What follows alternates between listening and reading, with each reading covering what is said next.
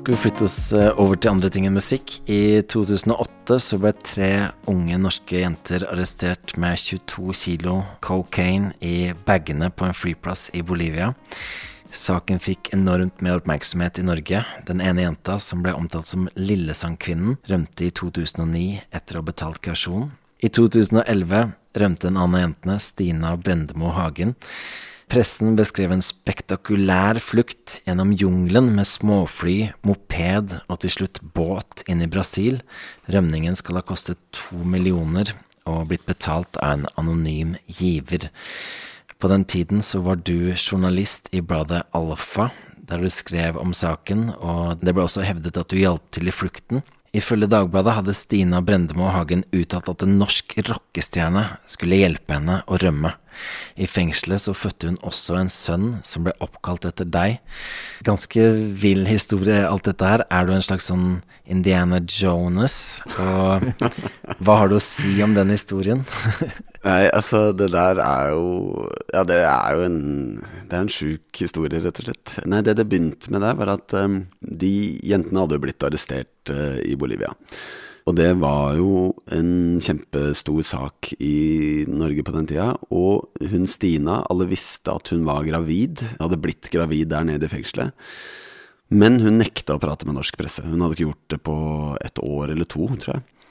Og da vi starta dette magasinet Alfa, så hadde vi ikke noe markedsføringsbudsjetter eller noe sånt. Så vi, utgangspunktet vårt var egentlig bare hvilke saker er det vi kan få tak i og gjøre som vil gi oss masse sitatsaker i andre aviser. Bare for å promotere det første nummeret til Alfa. Og da hadde vi en sånn uh, toppliste på uh, hvilke saker det var, og det ene var da et intervju med hun Stina. For det visste vi alle var interessert i.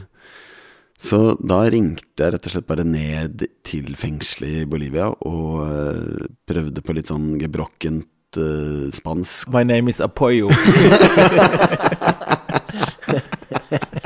ja, da var det akkurat det jeg gjorde. Og så um, fikk jeg til slutt hun Stina på telefonen. Og så prata jeg litt med henne, og så um, fikk jeg liksom overtalt henne til å ta en ny telefonsamtale med meg. Og så sakte, men sikkert så begynte vi å prate sammen, og begynte å bli kjent. Og så var det en, sånn, hadde en litt sånn skruppelløs redaktør i Alfa som mente at eh, det beste vi kunne få til, var hvis vi fikk et bilde av meg fra fødestua med ungen i hendene mine, nyfødt. Som hørtes ut som en Også sånn uh, Hørtes ut som en god idé da vi, da vi prata om det i redaksjonen. Men det var på nachspiel, da? Dere hadde redaksjonsmøte? ja, det var nachspielkongen, meg og han redaktøren. Uh, men så etter hvert så skjønte vi liksom alvoret. Hun var jo Jeg lurer på om ikke hun var 16 år da hun uh, satt der nede. Om ikke var enda yngre òg. Nå husker jeg ikke i farta. Ja, 16 år. Da hun hadde blitt arrestert, så var hun 16 år. Og nå hadde hun blitt noen år eldre og var gravid der nede. En unge som skulle fødes ned i fengselet. Var jo, plutselig skjønte vi at det her var jævla heavy. Og det at jeg skulle Da var det avtalt at jeg skulle dra ned og intervjue henne. Og det gjorde jo at jeg også innså at jeg kan være en ekstra belastning. Og det var jo rundt den tida hun skulle føde. Så jeg sa til han redaktøren min at vi må gjøre et eller annet for henne som veier opp for at jeg skal dra ned dit. Så det vi ble enige om da, var at vi skulle droppe å ha med fotograf. Heller leie en lokal fotograf, og heller sende ned en jordmor, en norsk jordmor, som skulle hjelpe henne der nede. Så det gjorde vi. Så vi, ringte rundt til en haug av jordmødre og spurte om de ville være med og på ubestemt tid bo i sånn narkohovedstad i Bolivia. Alle takka nei, da, disse jordmødrene. Bortsett fra Paul fra Nord-Norge. En jordfar? En jordfar, ja. Men som ville bli kalt uh, jordmor. Så han uh, dro ned. Var der, jeg tror han var der en måned sammen med Stina. Og jeg dro ned. Og så fødte hun der nede, og han var til stor hjelp, uh, rett og slett, i forbindelse med det. Av litt komplikasjoner og sånt, som jeg ikke tror jeg skal gå nærmere inn på. Men han hadde en ganske viktig rolle i, i den fødselen. Hvordan var forholdene i fengselet der? Bare født på sånn hjemmefødsel? Nei, nei, hun var på et sykehus, lokalt sykehus. Hun ble kjørt ut uh, da på en måte fødselen starta. Fengselet der nede var jo på en sånn måte at um, I Bolivia så fungerte det sånn at du måtte betale for å være innsatt i fengselet. Så det hadde gjennom mange år så hadde fengselet bare fungert som et bordell.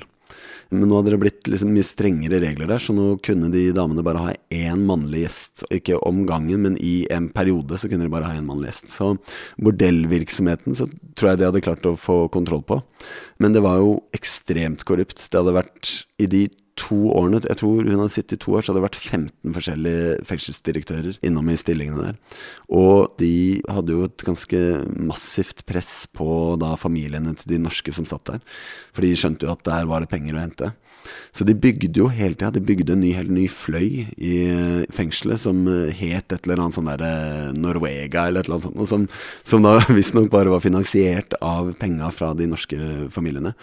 Men utover det så var det, jeg var jo i det fengselet i to uker, så det, var, det besto egentlig av en sånn åpen plass hvor de lagde veldig mye mat og hang masse klesvask, og så var det veldig mye unger. Veldig mange av de som satt der, var jo da damer som Det var et rent kvinnefengsel. Og de satt der stort sett fordi de hadde drept mennene sine. Så de hadde, var jo da måtte forsørge barna aleine. Så de hadde, barna var også, bodde også inne i fengselet. Var, men det var jo helt sånn, jeg husker jo Det var jo sånn rotter på størrelse med sånn katter som løp rundt. Uh, Litt sånn Brynsengaktige? Det var helt på høyde med Brynseng. så, men, men ja, nå brukte jeg lang tid på den storyen der, men det var i hvert fall første gangen det var sånn vi ble kjent. Og så dro jeg tilbake, og så sto den artikkelen på trykk, og så ble det masse oppstyr rundt det. Vi fikk masse kritikk for at vi hadde hatt med han eh, jordmoren ned og sånt noe. Men så fortsatte jo hun fortsatte å ringe. Og et av problemene når du som 16-åring blir fengsla i Bolivia, er jo at Og du skal sitte der i sju-åtte år. Det er at vennene dine gir jo opp. De slutter å ringe. Så hun hadde jo egentlig bare liksom familien sin, og spesielt da moren og broren. og og så tror jeg rett og slett bare at i løpet av den perioden hvor vi hadde hatt kontakt, så fikk vi ble vi godt kjent. Så hun fortsatte å ringe, og vi fortsatte å prate sammen. Og hun hadde jo ikke noe hemmelighet der, eller hun har prata masse om det, at hun hadde liksom ganske heavy fødselsdepresjoner etter den fødselen. Så hun sleit jo med selvmordstanker og selvskading og hadde det helt jævlig der nede. Så hun kunne ringe meg og si liksom sånn at nå kommer jeg til å ta livet mitt i kveld. Og så la vi på, og så dagen og morgenen etter så måtte jeg da ringe og sjekke liksom, at hun fortsatt var i live. Så vi fortsatte å ha kontakt, og så Nå kommer vi jo til flukten, og der er det jo litt mer sånn problematisk, fordi Altså både fordi at det jo selvfølgelig ble begått liksom straffbare handlinger ved å få henne ut av det fengselet, og fordi at jeg som journalist har et eh, kildevern jeg er nødt til å forholde meg til, så er det en del ting jeg ikke kan prate om akkurat det, men det jeg kan si som om det Som f.eks. de to millionene som ble brukt på flukten som du hadde tjent på Yogafire? uh, ja, jeg kan ikke si noen ting om de detaljene, men det er jo noen som har blitt utpekt som uh, de som har betalt for det. Det er noen tidligere elitesoldater som var involvert i å få henne ut av det fengselet. Og det er noen som har stått fram til og med i avisa og innrømmet at det var de som var de elitesoldatene som gjorde det. Men jeg kan ikke bekrefte det, eller avkrefte det for den saks skyld. Men det fins i hvert fall info om det, om man ønsker å få tak i det. Men det jeg kan si, var at uh, jeg uh, møtte Stina etter at hun hadde flykta først fra uh, fengselet i Bolivia og over til Brasil. Så møtte jeg henne i Brasil først. Der var hun nødt til å gå under jorda i Jeg husker ikke detaljene, men det må nesten ha vært et par måneder.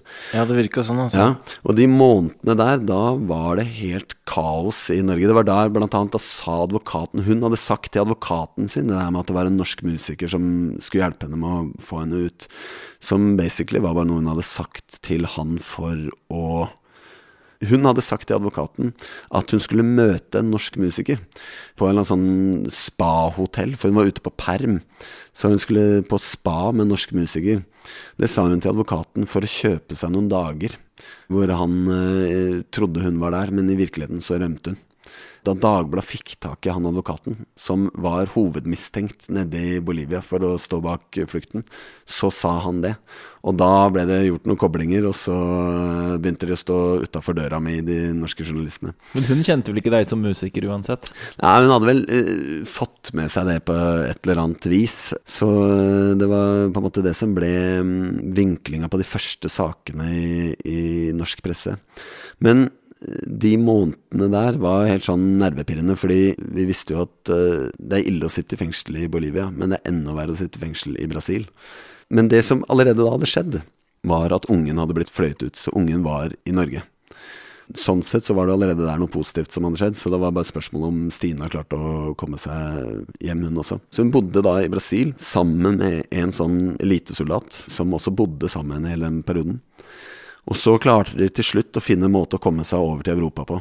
Og da de kom til Europa, så møtte jeg dem der også. Så var jeg med da på de fire-fem siste grenseovergangene før de kom til Norge. Så det var ikke med fly, det var med båt? Jeg kan ikke si hvordan de kom seg fra Brasil til Europa.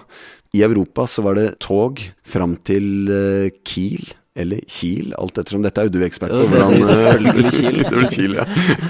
og så var det rett og slett Kiel-ferja derfra. Så hun avslutta hele greia med en skikkelig heisatur? Rett og slett. Jeg husker da den båten, for da var det sånn, da begynte vi å nærme oss eh, Norge. Og da, hun var jo på den tida der, så var hun jo kjendis i Norge. Alle visste jo hvordan hun så ut.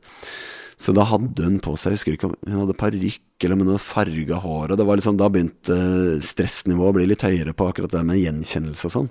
Men jeg husker når vi kom oss om bord på den båten, og så satt liksom alle helt sånn stille inne på en sånn lugar og bare venta på at båten skulle legge fra, er det det heter? legge fra land, er det det? Ja, jeg tror det. Tror Maritime lingoen er ikke helt i rute her, men uh, Uh, da satt bare alle og venta på det. Husker jeg sånn, Akkurat da vi så liksom at det var et par meter fra oss tilbake til land, da var det en sånn der lettelse som bare senka seg over alle de involverte der. For da visste vi at nå ble den første mulige arrestasjonen skjedde på norsk jord. Og det var hun helt forberedt på. Altså Når hun først hadde kommet seg ut av Bolivia, så um, Hvis hun hadde blitt arrestert på en av disse punktene på veien, hva hadde egentlig skjedd da? Hvor hadde hun havna da? For det hadde vel ikke blitt sendt tilbake til Bolivia? Eller jeg tipper at det er ikke noen i hvert fall europeiske land som har noen sånn uh, leveringsavtale med ja. Bolivia. Sånn som jeg husker det, så var det flere av disse landene som hadde det. Okay. Jeg husker ikke det helt sikkert, altså. Men jeg husker at det var en viss fare for det. Men den, den største frykten var akkurat det, faktisk det med Brasil. At hun skulle fengsles der. Men idet hun var i Europa, så var jo på en måte Alt var på en måte mye enklere. I Norge så var det jo da et spørsmål om hun skulle Det var ikke et alternativ at hun skulle sendes tilbake. Så vidt jeg husker det. Men det var en mulighet for at de kom til å reise en tiltale på nytt. Hun såkalte Lillesandskvinnen hadde jo blitt, fått en rettssak i Norge og blitt frifunnet. For, fordi at det jeg alltid har stussa litt på, det er jo dette at det, det har jo vært flere lignende sånne saker. ikke sant? Mm. For det syns jeg det er jo rart at disse landene, når du drar ut av Norge du får ikke noe, Det er ikke noe toll på vei ut. Så jeg, jeg syns jo det er rart at Bolivia driver og sjekker noens bagasje på vei ut av Bolivia. Men en annen ting er jo at hvis de ikke hadde gjort det, og hun hadde blitt stoppa mm. i tollen på Gardermoen, så hadde jo norske mm. myndigheter sett veldig alvorlig på det og gitt mange ja, ja. års fengselsstraff for det. Ja, nei, det, Hvor gjennomtenkt der, den operasjonen der eh, var. Det var jo to veldig unge jenter og en uh, relativt ung jente som dro ned dit. To av dem nekter jo for at de visste om at det var noe i de bagene i det hele tatt. Og hun som var litt eldre, har vel så vidt jeg kan huske Hun innrømmer vel at ja, hun innrømmer det og sier at de to andre visste om det. Ja. Men hva som er sannheten her, det, det veit jeg ikke. Nei, Men hvis du får tilbud om For da går jeg ut fra at det er sånn De fikk tilbud om å komme til Bolivia og få komme på besøk til en eller annen kar de hadde møtt på nettet, eller noe sånt. Så... Ja, nei, det som er, de, har, de, kjente hverandre fra før av, fordi Madeleine, som er hun eldste, som fortsatt sitter der nede, hun var kjæreste med broren til Stina. Så hun skulle ned og besøke faren sin, var i hvert fall det som var på en måte dekkhistorien, eller var, var i hvert fall det de, Det er det også Stina sier at var det hun trodde at de skulle der nede. Møte faren til Madeleine, og det var det de skulle. Mm. Basically. Men det, bare si siste øyeblikket av den flukten, da vi la til i Oslo, så hadde han elitesoldaten hadde sagt på forhånd at når vi går ned liksom ut av båten, og ned på land. Der kan det jo hende at det venta da politi, eh, rett og slett. Og så sa han Da var liksom avtalen at han skulle bare liksom Uten å si ha det, ingenting, så skulle han bare gå liksom sakte vekk fra henne. Og hun hadde fått beskjed om at hun, hva enn hun gjorde, ikke skulle løpe, liksom. Hun måtte ikke tiltrekke seg en oppmerksomhet. Og jeg gikk bak, for det var også en sånn ting jeg hadde fått beskjed av advokaten om, at jeg kunne ikke vite hvor det neste destinasjonen på flukten var. Jeg måtte hele tida gå bak dem, sånn at jeg ikke kunne seinere på en eller annen måte blandes inn i at jeg var delaktig i flukten. Jeg måtte bare være med som en observatør. Eh, Men da vi gikk da ned den Langgangen. langgangen, ja, eh, ned mot land, og så han elitesoldaten går liksom ut til høyre i all stillhet. De har da vært sammen i flere måneder, bodd under jorda i Brasil. Og så ser Stina for en øye på moren og faren og ungen som står der nede. Så klarer hun ikke å la være, så hun begynner å løpe. Og hun løper og løper og løper og bare kaster seg rundt halsen på den ungen. Det øyeblikket der, det kommer jeg til å huske resten av livet. Ja, Det er, føles jo helt sånn uvirkelig selv i dag, liksom, mange år etterpå. Du er Indiana, Jonas.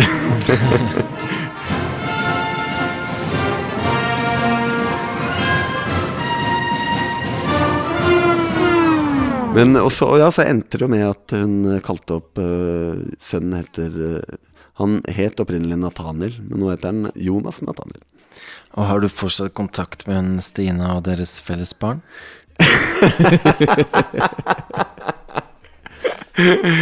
Eh, ja uh, Vi har uh, ikke ofte, men vi har, har litt kontakt av og til. Hun sender meg noen, noen bilder av barnet, da, for å vise hvordan det går med han. Ja. og.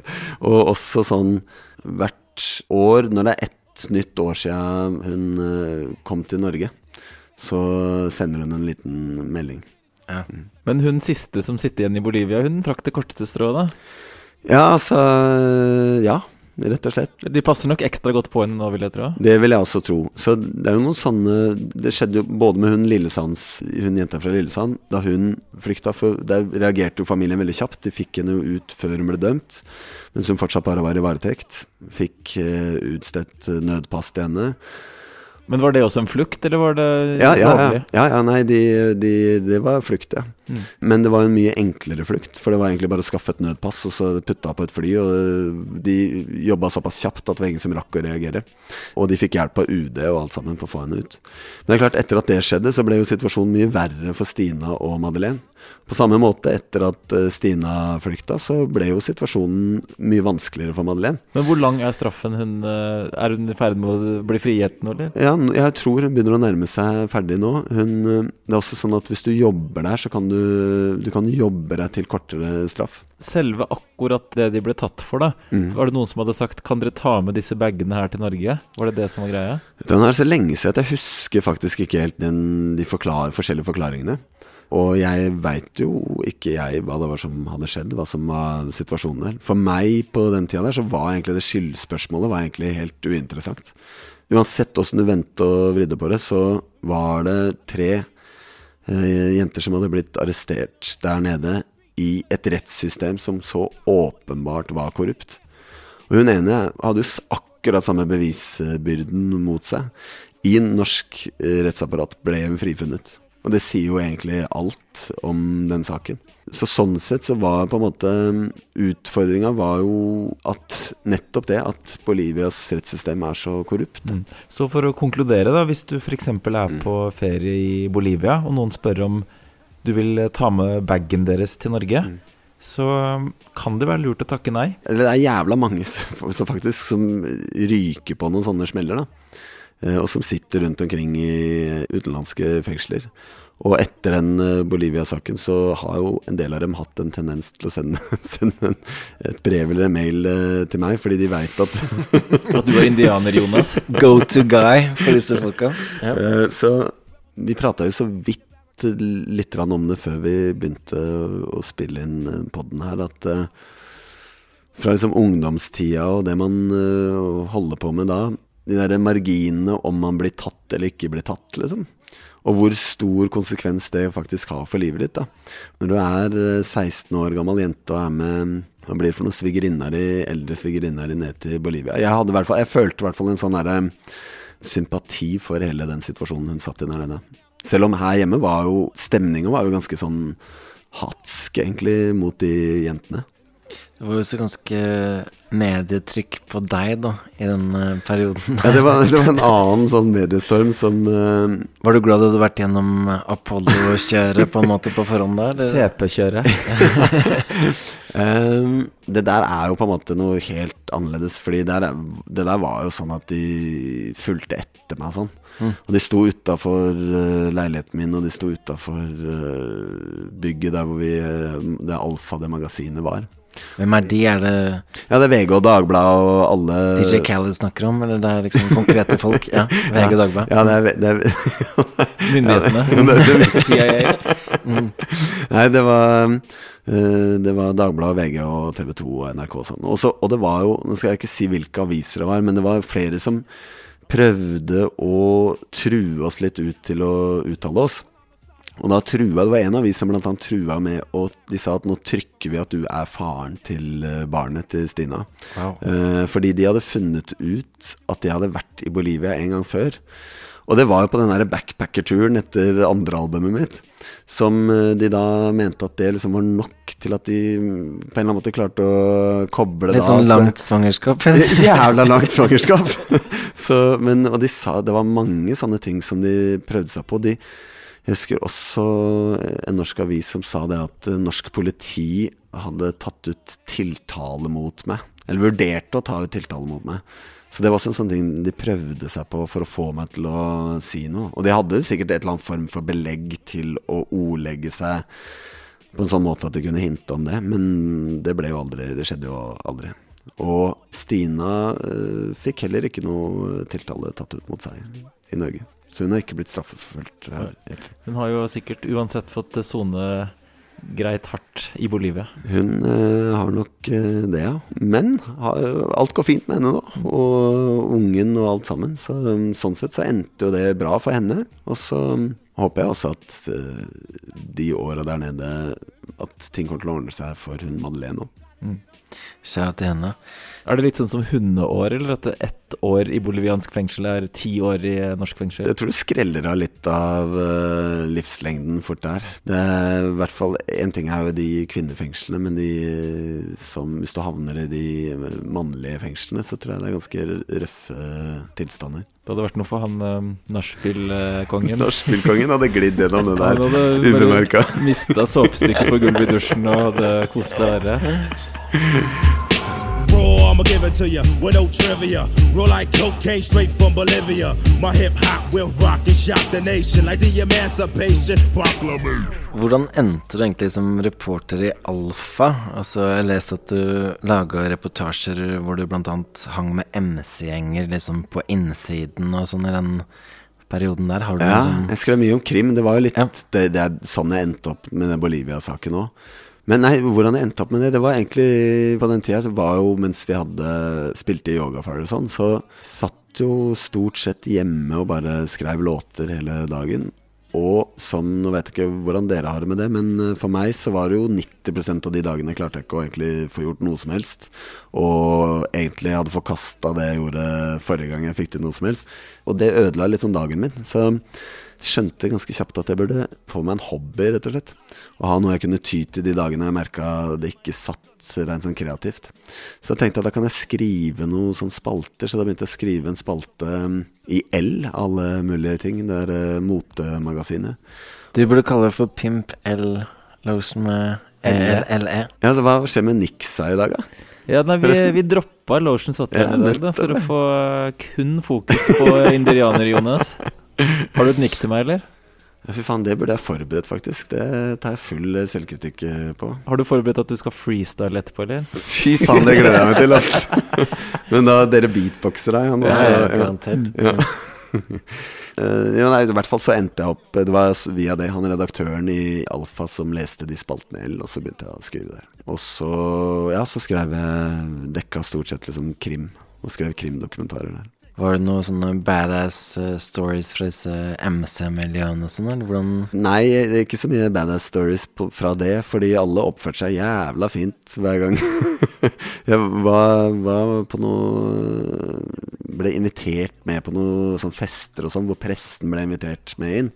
Eh, og da var det ganske rolig stemning. Men så hadde var jo Vi spilte jo på en del av disse MC-klubbene med Yoga Pharaoh, og da var det litt annen stemning der. Så det var mer trøkk på de der bandopplevelsene på MC-klubbene enn eh, som journalist. Jeg og Pimp spilte jo på Bandidos i fjor, eller noe sånt. Jeg husker han Erik Jensen, blant annet, som ransaka oss da vi skulle inn med Yoga Pharaoh og spille på 1450, HA. Nesodden. Ja. Ja. ja, han gjorde Ja, han er det. derfra. Ja.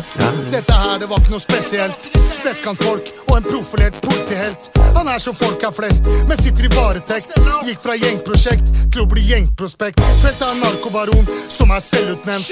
Fire nye uker, trekker du lyder kjent. Hvordan føles det når skiltet ikke redder deg? Når loven du håndhever, faktisk også gjelder deg. Jeg forstår, nå snur de alle kjappere her. Sitt på brev og besøk mens dem erstatter deg. Den mest spesielle episoden jeg havna oppi med krimdekkinga for Alfa, var en sånn gammel drapssak som eh, ramla borti, som var en sånn narkooppgjør. Eh, hvor det var en sånn narkoman eh, fyr som nå hadde nyktra seg opp, som jeg lagde en sak om Judas-doser. Eh, hvor rett og slett eh, det er overdoser av heroin som blir satt som en drapsmetode.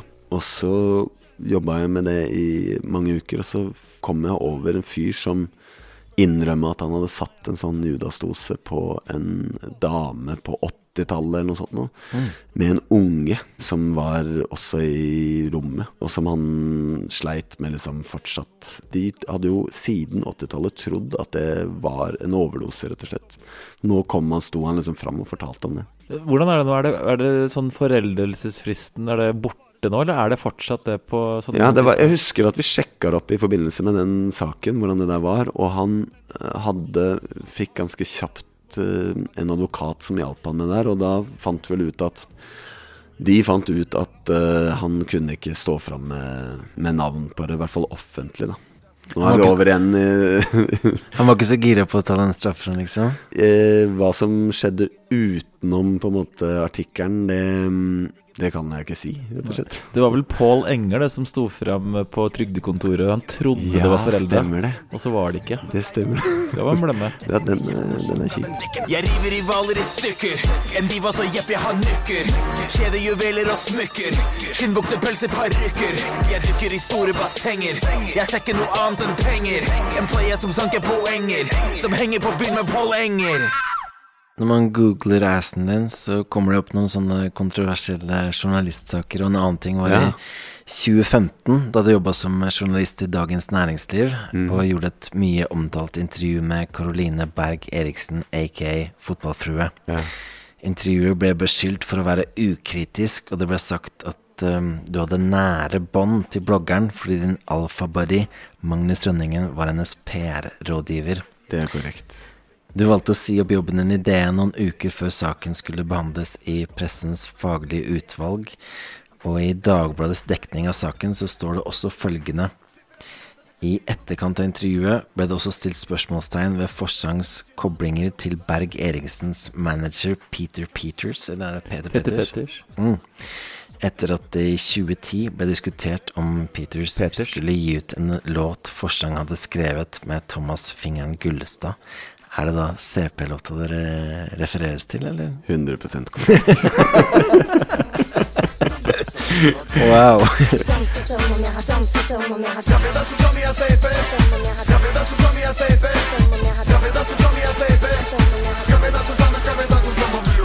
Ja, det der blei jo masse, masse styr rundt. Karoline Berg Eriksen, altså fotballfrue, hadde jo da Altså, det var et helt ekstremt massivt medietrykk mot henne. For det var i forbindelse med at hun både hadde hatt det der bildet hvor hun eh, bare noen uker etter fødselen var liksom Jeg vet ikke om dere husker det her engang, men hun hadde sånn bilde av seg selv hvor hun uh, hadde liksom sixpack og sånn bare noen uker Eller nå husker jeg ikke detaljene, men kort periode etter fødselen som veldig mange reagerte på. Så hun dro rett og kjøpte seg en sixpack med øl?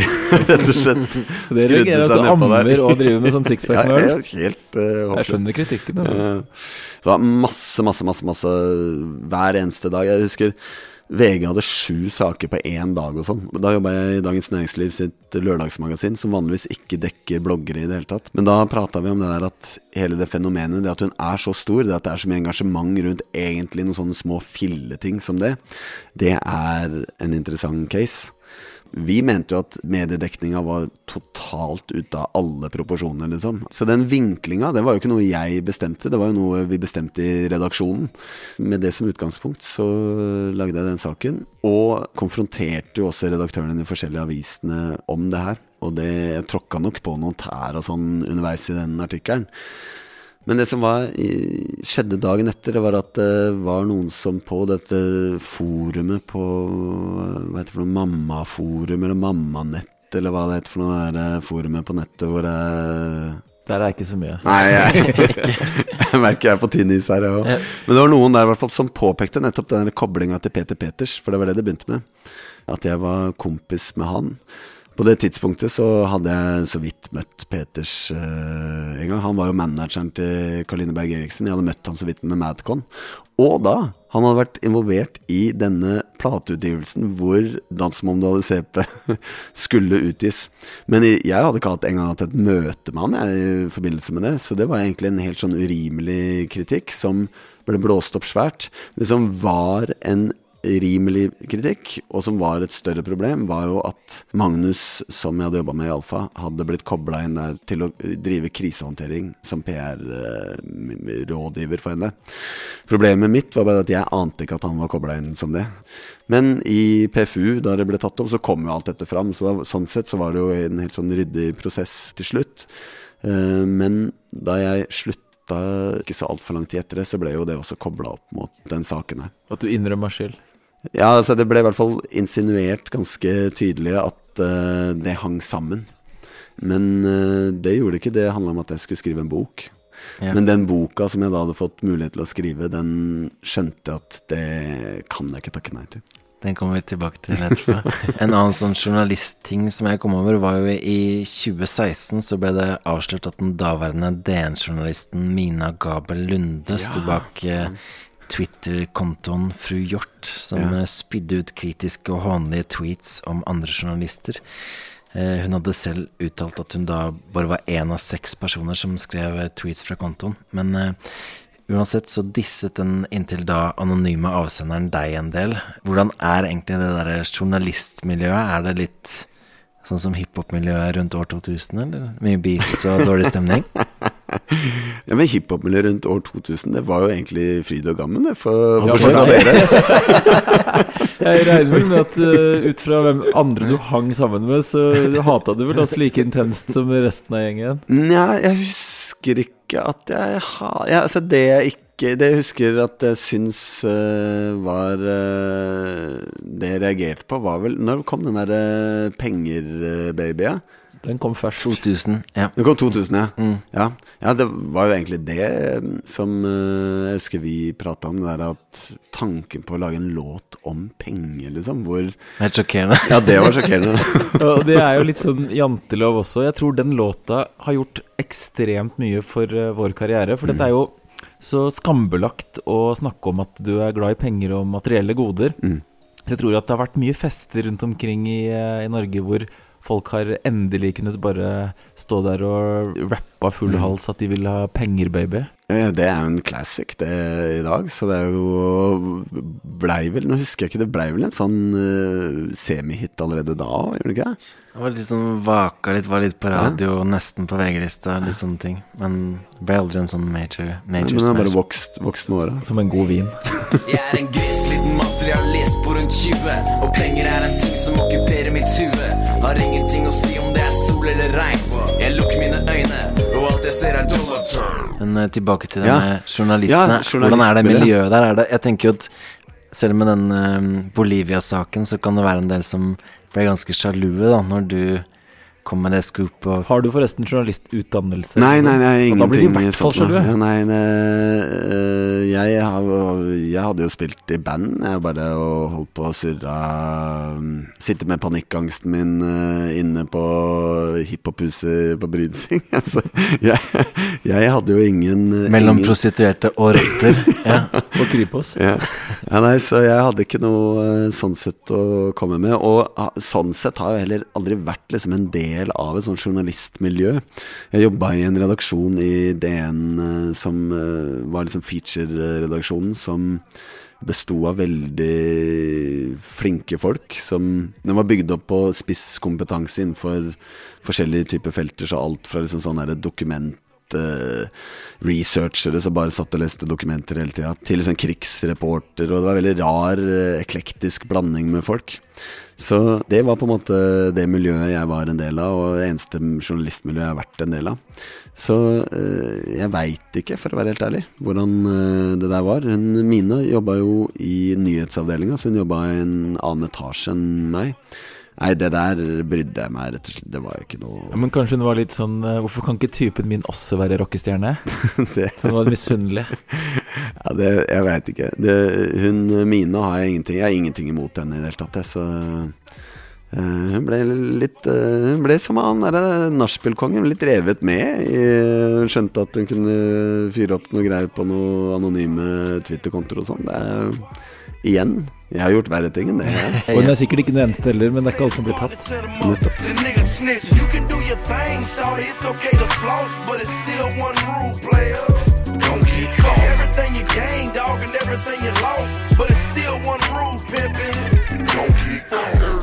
Du ble aldri den norske Petter, men eh, de siste årene så har du hatt mye å gjøre med to kjente norske spillere som heter Petter. Du har skrevet en uh, bok om Petter Stordalen og en om Petter Northug. Og så skrevet en bok om Gunhild Stordalen. Alle bøkene har fått stor oppmerksomhet og solgt veldig bra. Og i dag så er du forlegger og medeier i Pilar Forlag, som du eier sammen med Stordalen og Magnus Rønningen. Hvordan ble du egentlig down med Stordalen, og har han inspirert deg til å bli en businessman? Jeg møtte han i forbindelse med en sak som jeg skrev om Gunhild, det, det var mens jeg jobba i DN. Det var akkurat da Gunhild hadde blitt sjuk. Og det var første saken hvor hun fortalte at hun uh, hadde blitt, uh, fått den sjukdommen. Så da lagde jeg en sak om det, møtte henne i Amsterdam, og da møtte jeg også Petter. Og så skulle jeg lage en oppfølgingssak på den første saken. Og da var jeg en del i Amsterdam, var der mange ganger og besøkte Gunhild. Men hun var jo på sjukehuset, og sov jo mye av eh, tida. Så da ble jeg sittende liksom i hotellbaren og prate med Petter. uh, Petter. Petter Petter, er han i slekt med Peter Petters? uh, og han hadde da utgitt en bok året før, eller eh, det er ikke riktig. Det hadde blitt utgitt en bok om Petter året før, som het 'Sirkus Stordalen', som var en uautorisert biografi. Og da ble vi, vi begynte å prate litt om den. Og eh, da kom jeg med mine tanker om hvordan eh, han kunne lage en bok selv, og hvordan den eh, kunne skille seg fra den første boka. Så da, etter litt om og men, så sa han det at Men ok, la oss lage den boka. Og det var jo grunnen til at jeg faktisk slutta i den. Så da Det var her var i 2015. Så den boka kom ut den høsten. Da eh, hadde vi mange valg hvor vi skulle ut igjen, men bestemte oss for å gjøre mye av den jobben sjøl. I hvert fall hele liksom, redaksjonelle jobben med å produsere boka og lansere boka og hele PR-biten og sånn gjorde vi da selv. Blant annet med å hente inn han Magnus Rønningen på PR. Og så gikk det veldig bra. Den solgte veldig fint det året, og den fortsatte å selge året etter. Og så hadde vi egentlig ikke noe plan om å ha noe mer som forlag eller noe sånt. Og da var det bare Magnus og jeg som eide det selskapet vi hadde starta i forbindelse med det. Men så året etter var det vel, så prata vi med en felles venn av oss, uh, Synnøve Skarbø, som da hadde vært TV-programleder i mange år. Men som hadde også blitt fødselsdeprimert etter at hun fikk unge og ikke vært på skjermen på fem år. Så hun hadde sånn hun prater om hvordan jeg skal klare å komme meg tilbake på å få jobber igjen. Og så fikk vi den ideen om at hun burde lage en ryddebok, for hun er veldig opptatt av rydding. Og da hadde det vært en sånn svær gigantsuksess i USA om en ryddebok. Så vi tenkte vi bare lager den boka i Norge, med Synnøve Skarbø som eh, avsender. Og da ga vi ut bok nummer to. Og det gikk også bra. Og på et eller annet tidspunkt her så begynte vi å gire opp antall bøker vi ga ut. Og så bestemte Petter seg i fjor for at han ville gå inn som investor. Og etter at han gikk inn, så har det jo skjedd veldig, veldig veldig mye. Ekstremt mye mer enn det vi, Magnus og jeg, hadde klart å få til på 100 år aleine. Sånn sett så Jeg vet ikke om han har inspirert meg til å bli en businessman, men, men han er business, da, så det blir business. Det er stor business på gang. Er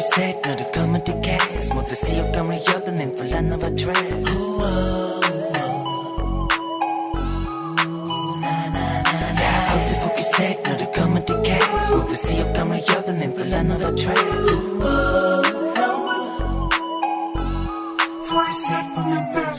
På coveret til den eh, boka til Gunhild Stordalen, så sto, det store bildet, så um, står det at hennes historie er blitt fortalt til deg muntlig. Og hun har jo da, som du sa, vært alvorlig syk i mange år. Hvordan var prosessen med å lage den boka da, hvis hun er alvorlig syk, og er hun tilgjengelig? Hvordan Var det en langsom prosess? Ja, jeg, det begynte med Ja, det har, det har vært en lang prosess, og det har vært samtaler fra alt eh, på, altså ved sykesenga til eh, mens hun har blitt undersøkt, til eh, hun har vært på sånn rehabilitering, til eh, hun har vært hjemme i jobb på kontoret på EAT. Hennes sykdom har vært prega av at den har vært veldig opp og ned. Hun har jo hatt vært gjennom to veldig røffe runder med en sånn alternativ behandling. For hun har jo, egentlig så er den sykdommen hun har uhelbredelig. Så alternativ, det er eksperimentell behandling er riktig måte å beskrive det på. Så hun har vært gjennom en sånn transplantasjon med stamcellestøtte. Som basically vil si at de pumper masse høydose cellegift inn i kroppen og utslette benmargen. Men før de har utsletta den helt, så har de høsta stamceller, som de da legger på is, og så Fra henne, eller Fra fra- henne, ja. Fra henne. Det er to måter å gjøre det på, og den måten øh, hun har gjort på, er at de henter det fra henne. Alternativt kan du få det fra en donor. Og så øh, bryter de ned hele kroppen. Han ene legen jeg prata med, han omtaler det som en restart av en datamaskin. Og da er målet at når de restarter, øh, når de har brutt henne helt ned, og da injiserer disse stamcellene tilbake i kroppen hennes, så skal liksom kroppen øh, klare å bygge seg opp igjen, da uten sykdommen. Eh, og det gjorde hun jo én gang, og det er 10% som dør av den barebehandlinga. Så hun gjorde det én gang, og så fikk hun tilbakefall. Og det gjorde hun jo også midt i bokprosessen. Da stoppa jo alt veldig opp, og så er hun en av de veldig, veldig få i verden som har fått muligheten til å gjøre det to ganger. Så hun har nå tatt det en andre gang. Og nå gjenstår det å se hvordan det går, da, men alt uh, tyder på at uh, altså, ting ser i hvert fall bedre ut enn uh, jeg tror hun omtrent da hadde turt å håpe på. Fortsatt så veit jo ingenting hvordan det kommer til å gå, om det kommer til å bli et tilbakefall eller ikke. Hvor sjelden er den sykdommen der, da? Jeg tror selve sykdommen er sjelden, men det fins forskjellige varianter av den. Den hun har, er en som heter diffus kutan variant, som er den aller mest sjeldne, og som er den mest alvorlige.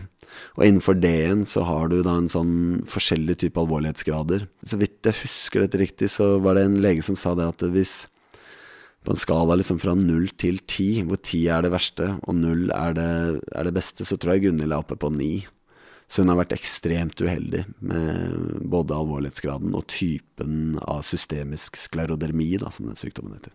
Men det er noe man er, man er født med? Eller? Eh, Det er noe, så vidt jeg veit, noe man er født med. ja. Men de veit veldig lite om det. De veit lite om hvordan Om det er liksom arvelig, om det er genetisk, hvordan det der oppstår. Men det er en autoimmun sykdom, og de aller fleste som har det, lever fint med det. Så det er bare i akkurat Gunhilds tilfelle og en del andres tilfeller som, så er det, er det dødelig. Jeg føler det ble så alvorlig, men uh, ja, ja. Nei, men det, det er på tide med litt ja. seriousness her også. Bøkene om Petter Stordalen, Gunhild Stordalen og Petter Northug kommer som lydbøker senere i år. Ja. Jeg driver selv for tiden og leser igjen min selvbiografi Ja. 'Livet til en norsk boss' som lydbok. Fy faen, den gleder jeg meg til å høre. Da lurer jeg rent praktisk sett hvordan fungerer det profittmessig når de norske lydbokstreamingtjenestene Storytel og Fabel eies av andre forlag, da? Er det, er det slappe inntekter for deres del, eller hvordan er det? Men sånn er det jo hele bokbransjen. Er jo sånn. Så det er jo eh, Alle bokhandelkjedene eies jo av de fire store bo eh, forlagene. Mm. Alle distribusjonsselskapene eies av dem. Lagrene vi har bøkene på, eies av dem. Til og med liksom massemarkedsdistribusjonen i dagligvare og sånn eies av de samme store forlagene. På flere av bøkene vi utgir, så tjener de andre store forlagene mer per bok enn det vi gjør selv. Så sånn er det, rett og slett. Og det er jo noe av det som også er litt gøy med å komme inn i den bransjen. da. Og i hvert fall når man har liksom Stordalen i ryggen, så kan man rokke litt ved akkurat de tinga der. Men det lydbok, eh, og spesielt sånn streamingsituasjonen i Norge, er egentlig ikke så ille. Det er mye verre i Sverige. Moren min hun er en sånn ekstremt eh, ivrig leser, da. Som Mm. forresten eh, likte godt 'Snøstorm'. Salut henne. Men hun kjøper mye bøker på nett fra Sverige. For der Ja. er det sånn ja, 40 kroner per bok. Ja, ja, prisene er helt annerledes. Hvordan er det forfattere tjener penger i Sverige? Det er to forskjellige markeder. Det norske markedet er jo ekstremt regulert. Her har vi en såkalt fastprisordning som gjør at eh, en bok vi utgir Den prisen må holdes. Vi kan ikke konkurrere på pris. Så den prisen må holdes fram til fastprisperioden går ut. Og da kan man sette ned prisen, og man kan eh, selge den billigere og rabattert. Er det ett år, eller hva er det som er Ja, det er det året som boka ble utgitt, og eh, noen måneder ut i det neste.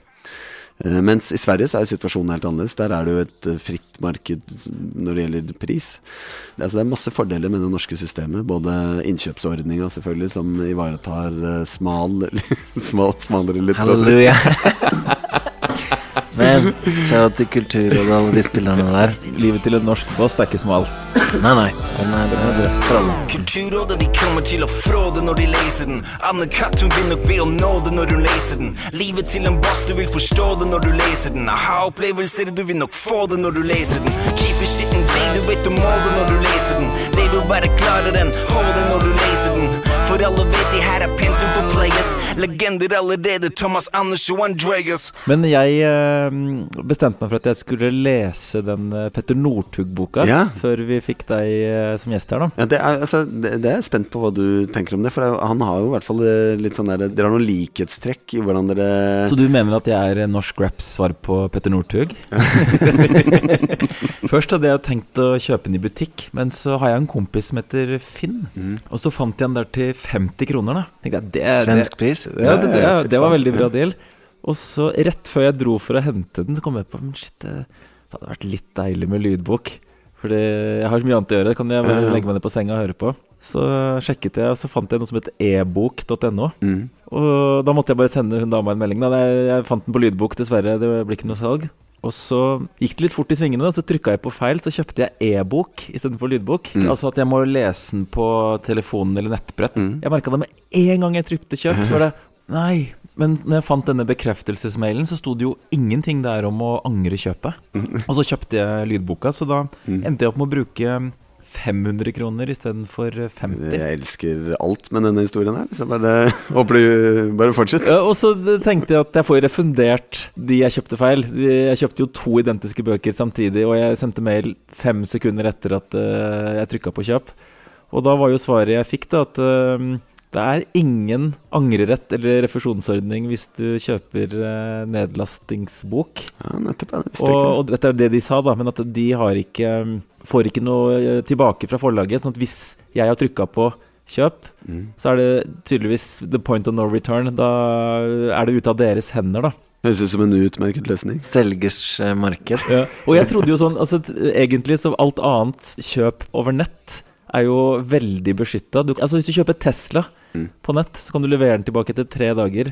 Hvis du ikke likte den, fordi eh, det er vel nettkjøp, da. Så i hvert fall eh, Det ble en dyr eh, det, Nå har jeg sponsa deg godt, da. Ja, men det jeg tar imot selv feilkjøpa, jeg, så det er helt nydelig. Ja. Men få hva har du fått lest den? Jeg har fått hørt den, da. Ja, du har fått hørt den? ja. Eh, altså, på en måte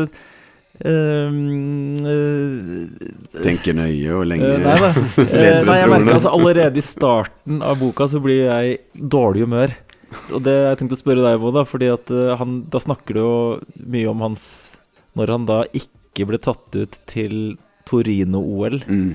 Hvordan var det dette forresten ble til den boka? Da møtte du han, og så satt dere og snakka i noen timer, da, eller?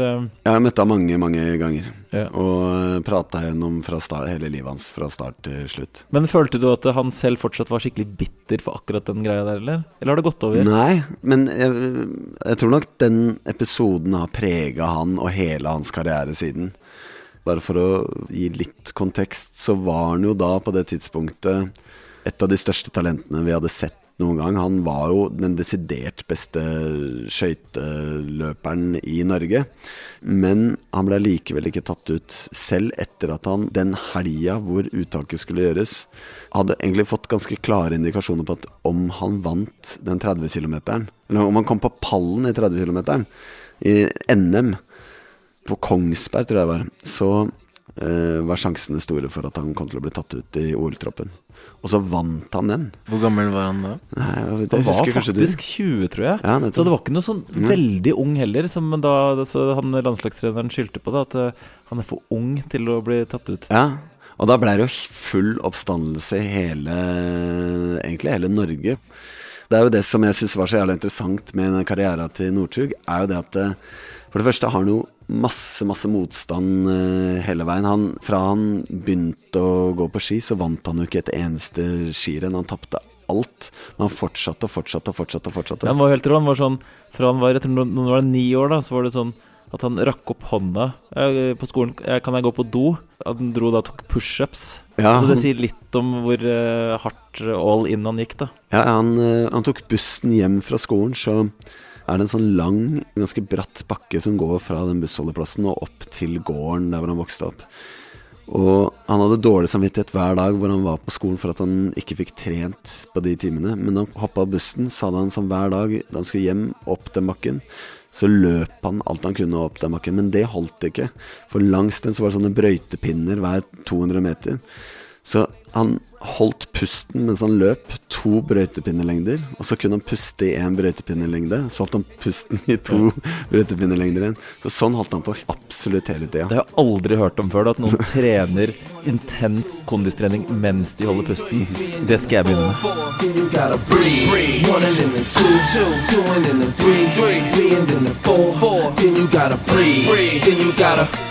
Then you gotta Show these niggas can't breathe. Eh, en annen ting eh, som jeg også tenkte litt på med den boka, var jo den uh, fylleulykkeepisoden. Ja. Jeg synes han slapp litt billig unna i boka. Sånn, uh, han hadde kanskje ikke så lyst til å legge ut altfor detaljert om det. Når man skriver sånne, sånn som en sånn selvbiografi, så er det jo basically Han forteller historien sånn som han vil fortelle. For det er ikke sånn at du, du begynner å stille litt spørsmål og prøve å utfordre Jo, jo, jo, jo, jeg gjør det hele tida. Men til syvende og sist så er det Jeg prøver å grave etter alt mulig rart. Men sluttproduktet er nødt til å være på en måte hans story, selv når jeg finner på ting. Må det være hans story til slutt. Ja, Han påstår at han ikke har lest den i ettertid. da Ja. Det var jo i forbindelse med det, dette um, Aylar, ja, ja. Aylar-kapitlet eller mm. avsnittet, jeg vet ikke. For at det, når jeg kom til lydboka, så Ja, da er det borte. så sier han, ja? Ja. så sier han sånn eh, Etter uh, femmila i, Holmen, i VM i Holmenkollen så møtte jeg en med langt mørkt hår, og hun het Aylar. Punktum. Eh, men er det sånn at det er med i førsteutgaven? Ja, det er med i Kanskje jeg må gå og kjøpe den boka til 50 kroner? Ja, så jeg tror faktisk du er nødt til å gjøre enda et kjøp. Ja, så jeg må kjøpe boka Ja, ja. en tredje gang. Ja, ja, men på et triple eller annet eh, Men det var jo litt sånn som den der eh, Bolivia-historien. For at, sånn som jeg, gjennom å google litt, da, så har det vel dreid seg om at det gikk noen rykter om at eh, Aylar tok abort, og at eh, Petter eventuelt var den eh, kunne vært faren, da. Ja, altså nå er det jo nå, Vi er jo klagd inn til noe sånn Er det noe forliksråd, eller vi er vel kanskje Er det noe søksmål? Jeg er litt usikker på faktisk hva situasjonen er der akkurat nå, men eh, Så jeg må eh, Være forsiktig. Være litt forsiktig med hva jeg sier. Det er i hvert fall noen hatere som er i reaksjon. og er plager inn det. folk. Det er 100 at det er det. Eh, nei, det som er eh, situasjonen, er at Aylar gikk ut sjæl og uh, prata om dette her i Det Nye, i en artikkel hun skrev der. Hvor hun med utgangspunkt i den artikkelen fortalte at hun hadde tatt en abort. Og i samme artikkelen så insinueres det at hun har Eller hun forteller at hun da har data to forskjellige menn, og en av dem er Northug. Og alle aviser skrev jo om det her, og spekulerte i at uh, Her og Nå eller Se og Hør hadde på forside hvor det sto uh, Northug trøster Aylar etter aborten, og så er det tatt sånn paparazzi-bilder av dem. Uh, ikke sant? Så det, det her vært, var da på den tida en svær sak, så det eneste han egentlig sier i den boka, er at han henviser til den, den nye artikkelen. Og så sier han at eh, den artikkelen var skrevet på en måte som gjorde at man ikke skjønte om det var han eller den andre kjente herremannen som var faren. Er det Men- nachspielkongen fra Bekkelaget? Det, det er ikke nachspielkongen fra Bekkelaget. Det, det kan jeg si. Jeg kan avkrefte det. Da er det i hvert fall én. Ja. Da er det bare fem millioner igjen, da. Men er det noe av selve innholdet Jeg merker at nå prater jeg meg inn i et søksmål. Jeg prater meg Nei, et større søksmål. da vi oss. Jeg får, jeg får kjøpe meg den uh, fine førsteopplaget på Finn. Ja, altså, Den er vel mest sannsynlig går under hammeren om uh, ti år sammen med tinga til Oral B. Som en del av uh, kulturarven, vil jeg tro. Mm. Men uh, burde ikke boka egentlig hett Thug Life? Thug for life. Yeah, nigga. Thug life. En annen ting som uh, var litt interessant med den boka, var jo at uh, han fortalte om en uh, periode hvor han ja, enten var overtrent eller hadde kyssesyken eller et eller annet. Og sånn, normalt sett, når det oppsto noe sånn veldig sliten, så gikk han og slappa av et par dager, og så kom han seg til hektene igjen. Og så her gikk tiden og gikk tiden. Og det gikk en uke, han ble ikke bedre. Det gikk eh, to uker. Han, altså, han var så ute av form at han klarte ikke å gå opp trappa i huset. Nei, og det var, her var rett før ski-VM i Oslo, som var liksom det ultimate høydepunktet i karrieren hans. Og det visste han, hadde han visst i seks-sju år, hadde han visst om det. Så det var jo fullstendig krise. Og det endte jo med at han dro opp til Snåsamannen og fikk hjelp til å komme seg på beina. Ja, det er jo faktisk eh, helt crazy. Han var også så dårlig at han ikke orka noen ting. Mm. Og så til slutt, da, i ren desperasjon, så klarer en kompis å overtale han til at de skal dra opp til Snåsa. Mm. Og bare på hjemturen derifra, så er han bra igjen. Ja, ja. ja, det er sånn han forteller den historien. Ja. Så, um, Er det doping? Det er Står det på dopingliste? Nå er jeg i ferd med å prate meg inn i et andre søksmål. nei, nei, vet nei ja, jeg veit ikke hva det Snåsa Hva som skjedde oppe på Snåsa, men Det eneste du veit, er at gutta fra Snåsa de har snus i dåsa. det veit jeg også. Altså Det som jeg syns var mest sånn fascinerende med, med den Northug Hvordan han jobba, var jo den sommeren før ski-VM, og den sommeren som leda opp til at han fikk den der treningssmellen. Smellen. smellen ja. Da hadde han jo de der dagene om den sommeren der, så fortalte han sånn Da sto han Han gjorde det samme hver dag. Han sto opp sånn i åttetida, så spiste han seks brødskiver som han måtte skjære sjæl. Sånn at de ble tjukke nok. Fordi hvis du hadde sånn ferdig oppskåret brød, så blei ble han aldri mett. Så spiste han seks brødskiver med ost og syltetøy som eh, Mai, mora hans, hadde lagd. Så satt han liksom i en time og visualiserte treningsøkta. Så dro han ut, og så som han sa, da øvde jeg på avslutninger etter femmil. Eh, Men da kan du ikke bare øve på avslutninger, da må du gå fem mil først, og så må du begynne å øve på eh, avslutninger. Ja. Så da gjorde han det, gikk en fem mil på rulleskøyter, og så begynte han å øve, øve mm, på avslutning. Og hele den turen, den treningsøkta, så visualiserte han hvordan ting var i Kollen. Så alle trærne rundt den blei til liksom, tribunene i Kollen. Bilene som kjørte forbi han på veien, blei til liksom, eh, motstandere som gikk forbi han. Det, altså Regnet blei til snø. Ikke sant? Alt sammen uh, visualiserte han over til Kollen. Så han, dro han hjem etter at han hadde ferdig med den første økta. Så han at han var helt sånn stressa, for da måtte han hjem så kjapt som mulig. Spise og legge seg og sove. Så kom han hjem, spiste han seks nye brødskiver med ost og syltetøy. Gikk han og la seg. Sov to timer. Sto opp, spiste seks brødskiver med syltetøy og ost. Så satte han seg ned og visualiserte litt. Så gikk han ut og gjorde det igjen. Ny økt. Så hjem, spise middag. Spise ny middag. Legge seg.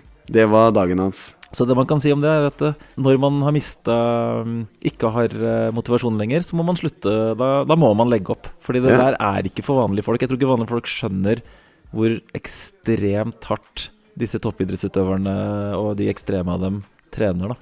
Nei, det der er jo helt uh, absurd. Og det som også gjør det ennå litt sånn Enda sjukere eller enda villere, er jo akkurat det, en annen sånn ting som han sa. Det her med at når du ser liksom oppløpet etter en femmil, så er det stort sett eh, de samme type fem-seks løperne som det som regel står mellom. Men bak dem så kommer en ny pulje. Bare, de er kanskje bare 50 meter bak, eller 100 meter bak, med 10-15 løpere som de fleste av oss aldri har hørt om. De gjør akkurat det samme. De trener like hardt. De drar på de samme høydesamlingene. De er like asketiske. De holder seg unna alkohol. De holder seg unna alt mulig rart. På fem mil så er de typ bare noen sekunder etter de aller beste. Men det de glemte, ikke sant? det var å rekke opp hånda når de skulle på do og ta pushups når de var ni år. Det er akkurat det. Men hele det der regimet Da du tok opp den eh, boka nå, så tenkte jeg at eh, For det er jo noe Du er jo jævla opptatt av de tinga der sjøl. Du har skjønt at du, du kjører ganske hardt løp. Ja, jeg, jeg, og Det er derfor jeg har vært inspirert av Northug også. Og Egentlig kunne jeg godt tenkt meg å ha tatt en tidsmaskin tilbake i tid, til jeg var uh, ni år. Og så skulle jeg også begynt å rekke opp hånda i timen og gå og ta pushups.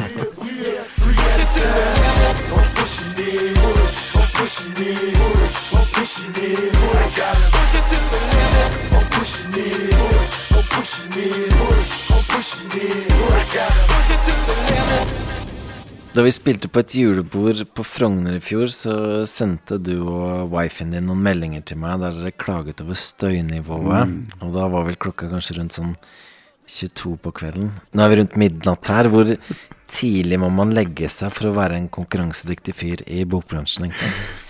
Nei, altså, det var jo ikke Jeg hørte dere prate om det på en eller annen podkast der også. Uh, vi hadde ikke gått og lagt oss, da. Okay, okay. Så ille har det ikke blitt. men, men, men vi hadde noen unger som hadde lagt seg. Vi hadde satt oss liksom rigga oss greit til i sofaen her og skulle akkurat til å se på noen TV-serier. Og så er, var det bare det at hele huset rista. Det er jo et trehus. Så det er jo det er 100% bass, ingenting annet i hele huset. Så første reaksjonen var jo minna om den som vi kunne ha av og til på i kollektivet i Brynseng når horekundene kom på besøk. Men eh, ganske kjapt så hørte jeg så et eller annet sted bak basten her, så var det noen toner jeg kunne, jeg kunne gjenkjenne. Og så derfra ut var jo alt greit. Så da, ble det jo, da var det jo fest oppå. Men, men jeg, jeg skjønner jo den greia der, da, for det er jo veldig lytt i sånne gamle hus. Og jeg husker vi hadde en konsert i en eh, leilighet i en bygård på Frogner for et par år siden. Og da begynte de gjestene der, da, la oss si at det var 40 gjester, de begynte å hoppe i takt i gulvet. Og jeg kjente at det gulvet drev og svikta, da. Og det var så ekstremt at jeg litt sånn diskré gikk og stelte meg helt inn i hjørnet på rommet der. For jeg, jeg faktisk trodde at de skulle plutselig gå igjennom til naboen under, da. Det som bare er et viktig element der, er at det er jo bare en leilighet i et hus. Det er en etasje i et hus, og så er det, sitter vi i etasjen over. Det er ikke helt egnet til konsert. Det er ikke, det er Hadde de hengt opp nabovarsel, eller? Nei, nei, nei, de hadde ikke det heller. Men uh, vi er gode naboer, da. Så, og vi, nei, vi er rause på festene. Ja, hvis uh, det skjer igjen, for de snakka om at de skulle booke oss neste julebord også, så får vi sende nabovarsel til dere, da. Ja, men det er bra. det er bra Eller at dere kommer ned og tar en toast. Da blir det oppvarming med kjære mamma og eh, et par Ja. gamle slagere.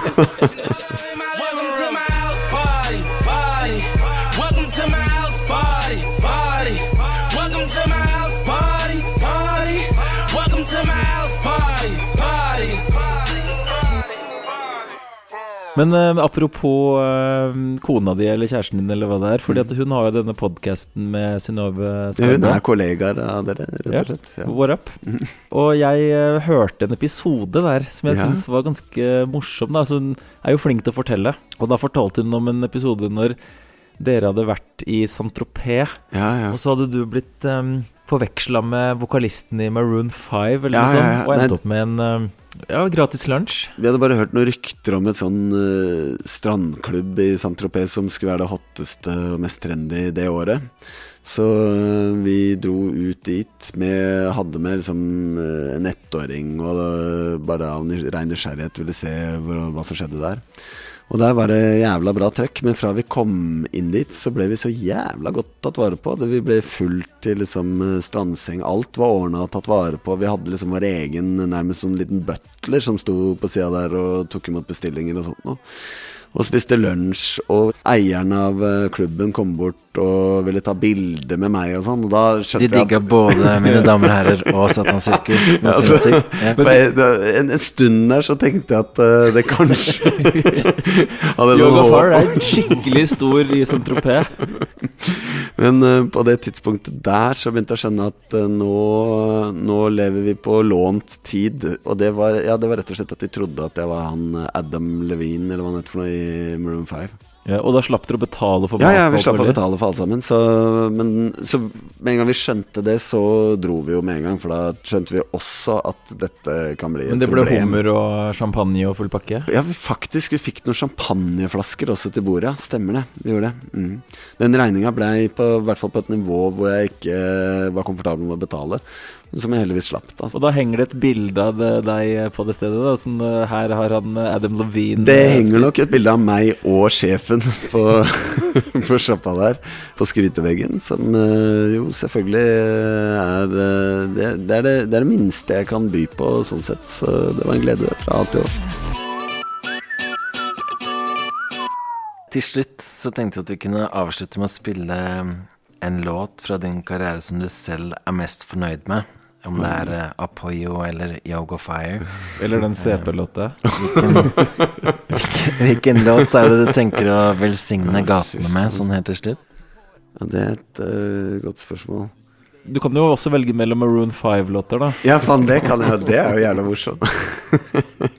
Men faen, nå husker jeg jo ikke hva de Maroon 5-låtene heter heller. Det bør du gjøre når du tross alt er vokalist der. Ja, det er jeg enig i. Jeg hørte, nå har jeg glemt tittelen, men det var en av de siste låtene på Satan Sirkus som jeg syns var veldig bra. Jeg lurer på om det var den som het eh, Satan Sirkus. Ja. Ja, å ja, den, ja. Den var jo faktisk litt eksperimentell til den tida å være. Den hadde, har jo ikke trommer eller Nei, det var sånn gitar. bare- Er den helt uten trommer? Akustisk gitar bare som Mm. går. Mm. Kanskje det er noe knipsing eller noe sånt noe der. Ja. Og den er spilt inn også sånn på gata. Noe av det spilte vi inn på gata for å få litt sånn contentum-lyd fra I Bolivia eller Brynseng? Nei, eller hva det? nei, det, nei, det tror jeg var uh, faktisk på gata i uh, Töcksfors i Sverige. Eller, ja, så det Var det kjøpt litt importbrus? Ja. Gratulerer. Eh, Ja, faen, det ble ikke noe brustesting heller. Fy faen, det er jo helt uh. Det er, eh, off the grid. Men det ble champagne, da. Det, det blei det. det, ble det. Når vi først får Maroon 5 i studio, eh, så kommer champagnen på bordet. Den låta har jeg ikke hørt siden den plata ble sluppet. Så um, jeg mener å huske at den er litt sånn um, Den bærer litt preg av en, et forsøk på å lage en litt sånn løs i snippen, uh, småeksperimentell låt, men som er den egentlig ganske pretensiøs. Så, så med de ordene så er vel, uh, er vel helt riktig å fyre av den.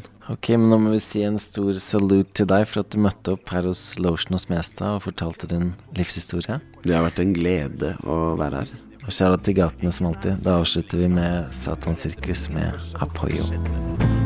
Skjønner ikke hvorfor ingen tenker at en manns terrorist er en annens frihetskjemper.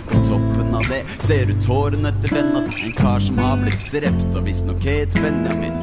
Alt det ble pakka inn en halvtime på Dagsrevyen, men ingenting av det du har sett har redd i dagen din. Så du gir den andre kanalen en sjanse, men der er det bare en serie om familien Anker Hansen. Og det var det virkeligheten hadde å by på, så du faller i søvn og havner i en drøm der du ser hele verden utenfra, og du forstår det da. at Jorda er et sirkus som Satan underholdes av.